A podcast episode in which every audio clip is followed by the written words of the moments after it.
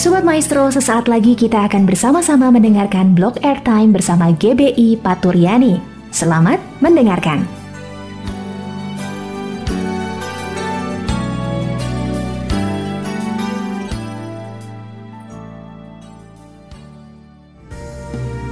Mulutku penuh dengan pujian kepadamu ya Yesus sepanjang hari ku beri penghormatan kepadamu ya Allahku. Mulutku penuh dengan pujian kepadamu ya Yesus Tuhan. Sepanjang hari ku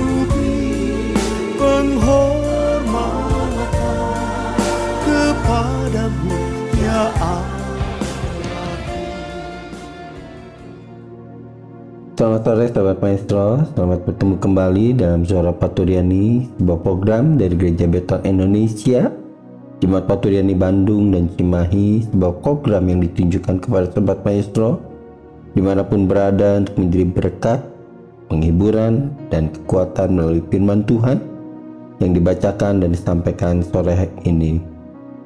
Bersama saya, Firman Hosea, pembacaan firman Tuhan saat ini terambil dalam kitab Yakobus, pasal yang ketiga ayat pertama sampai dengan ayat yang ke-12. Saya akan bacakan dimulai ayat pertama. Sudah-sudahku, janganlah banyak orang di antara kamu mau menjadi guru. Sebab kita tahu bahwa sebagai guru kita akan dihakimi menurut ukuran yang lebih berat Ayat yang kedua, sebab kita cuma bersalah dalam banyak hal. Barang siapa tidak bersalah dalam perkataannya, adalah seorang yang sempurna, yang dapat juga mengendalikan tubuhnya. Ayat yang ketiga, kita mengenakan kekang pada mulut kuda, sehingga menuruti kehendak kita dengan jalan demikian, kita dapat juga mengendalikan seluruh tubuhnya. Ayat yang keempat, dan lihat saja, kapal-kapal walaupun amat besar dan digerakkan oleh angin keras, namun dapat dikendalikan oleh kemudi yang amat kecil menurut kehendak jurumudi. Ayat yang kelima, demikian juga lidah, walaupun sesuatu anggota yang kecil dari tubuh, namun dapat membukakan perkara-perkara yang besar. Lihatlah betapa kecilnya api, ia dapat membakar hutan yang lebat. Ayat ke-6, lidah pun adalah api, ia merupakan suatu dunia kejahatan dan mengambil tempat di antara anggota-anggota tubuh kita Sebab sesuatu yang dapat menodai seluruh tubuh dan menyalakan roda kehidupan kita sedang ia sendiri dinyalakan oleh api neraka. Ayat yang ketujuh, semua jenis binatang liar, burung-burung, serta binatang-binatang yang menjalar dan binatang-binatang laut dapat dijinakan dan telah dijinakan oleh sifat manusia. Ayat yang kedelapan, tetapi tidak ada seorang pun yang berkuasa menjinakan lidah. Ia adalah sesuatu yang buas, yang tak terkuasai dan penuh racun yang mematikan. Ayat yang ke-9 dengan lidah kita memuji Tuhan Bapa kita dengan lidah kita mengutuk manusia yang diciptakan rupa Allah. Ayat yang ke-10 dari mulut yang satu keluar berkat dan kutuk. Hal ini saudara-saudaraku tidak boleh demikian terjadi.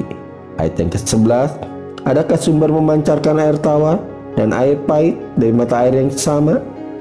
Ayat yang ke-12 yang terakhir saudara-saudaraku adalah pohon ara dapat menghasilkan buah zaitun dan adakah pohon anggur dapat menghasilkan buah ara. Demikian juga mata air asin tidak dapat mengeluarkan air tawar. Mari kita berdoa. Tuhan Yesus terima kasih untuk pembacaan firman-Mu saat ini. Mari Tuhan berikan kepada kami hikmat untuk dapat memahami khususnya untuk para pendengar Radio Maestro di mana pun berada. Biar Sobat Maestro di mana pun berada, boleh dapat dikuatkan melalui firman Tuhan saat ini. Amin. Sobat Maestro, pembacaan firman Tuhan tadi, saya memberi judul mengenai renungan kita sore hari ini bagi Sobat Maestro, yaitu bagaimana mengendalikan kata-kata. Bagaimana mengendalikan kata-kata? Dari pembacaan tadi kita mendengar begitu dahsyatnya lidah. yang mengeluarkan kata-kata. Lidah diibaratkan yang pertama seperti kemudi yang amat kecil yang mengendalikan kapal-kapal yang besar. Kedua, lidah adalah anggota yang paling kecil dari tubuh, namun dapat memegahkan perkara-perkara yang besar. Dan yang ketiga, lidah seperti api yang kecil, namun dapat membakar hutan yang besar dan lebat. Yang keempat, lidah sesuatu yang sulit untuk dijinakan. Binatang yang buas saja dapat dan bisa dijinakan. Namun lidah sulit untuk dijinakan. Lidah sesuatu yang buas, yang tak terkuasai, dan penuh racun yang mematikan. Dan yang kelima, lidah memiliki kuasa yang dapat dinyatakan melalui perkataan yang memberkati seseorang atau mengutuk seseorang. Inilah kuasa dari lidah kita telah mendengar bagaimana sesuatu yang dasar dari lidah yang dinyatakan melalui perkataan atau kata-kata yang keluar dari mulut kita. Sekarang bagaimana kita dapat mengendalikan kata-kata yang dinyatakan melalui lidah? Apabila kita membaca ayat yang ke-11 dari kitab Yakobus ini, dikatakan adakah sumber memancarkan air tawar dan air pahit dari mata air yang sama? Bagaimana jawaban pertanyaan dari ini? Tentu jawabnya tidak. Perhatikan kata sumber. Sumber berarti dari dalam bukan dari luar. Inilah yang membuat kita boleh dapat mengendalikan lidah, mengendalikan kata-kata. Apabila sumber di dalam kita yaitu hati kita dapat kita jaga karena hati adalah sumber dari kehidupan yang dapat kita pancarkan keluar dan itu kita pancarkan melalui kata-kata di dalam Kitab Amsal pasal 4 ayat 23. Jagalah hatimu dengan segala kewaspadaan karena dari situlah terpancar kehidupan. Hati memegang peranan yang sangat vital untuk kita dapat menjaga perkataan atau lidah kita atau dapat mengendalikan kata-kata. Caranya ialah jagalah hati kita untuk tetap melekat kepada firman Tuhan Jagalah hati kita. Jagalah perkataan kita.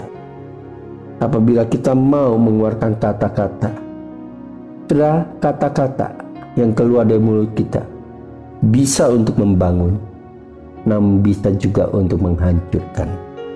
Oleh karena itu mari untuk kita dapat membangun akan orang-orang sekeliling kita. Mari kita menjaga hati kita dengan segala kewaspadaan di hadapan Tuhan. Mari kita menjaga hati kita untuk kita dapat mengendalikan kata-kata yang keluar dari mulut kita. Sehingga kata-kata yang keluar dari mulut kita apabila kita menjaga hati kita, kita dapat menjadi berkat.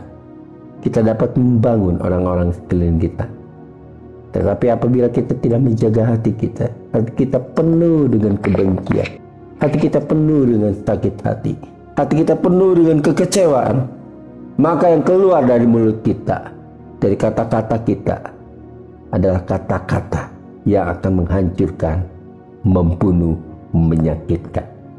Oleh karena itu, untuk mengendalikan lidah kita, perkataan kita, mari kita jaga hati kita dengan segala kewaspadaan.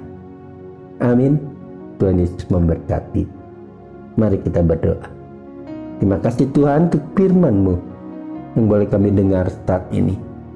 Biarlah Tuhan kami dapat mengendalikan lidah kami, perkataan kami, dengan kami boleh menjaga hati kami tetap bersih, tetap tulus di hadapan Tuhan. Tolong kami, mampukan kami untuk kami dapat menjaga hati kami. Karena dari hati kamilah kehidupan boleh terpancar melalui perkataan kami. Dan memberkati sobat maestro di mana pun berada saat ini. Amin. Saya Suherman Hostia, pamit mundur bagi sobat maestro di mana pun berada.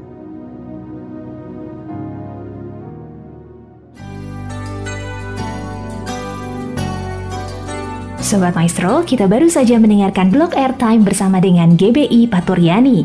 Terima kasih atas kebersamaan Anda. Tuhan Yesus memberkati.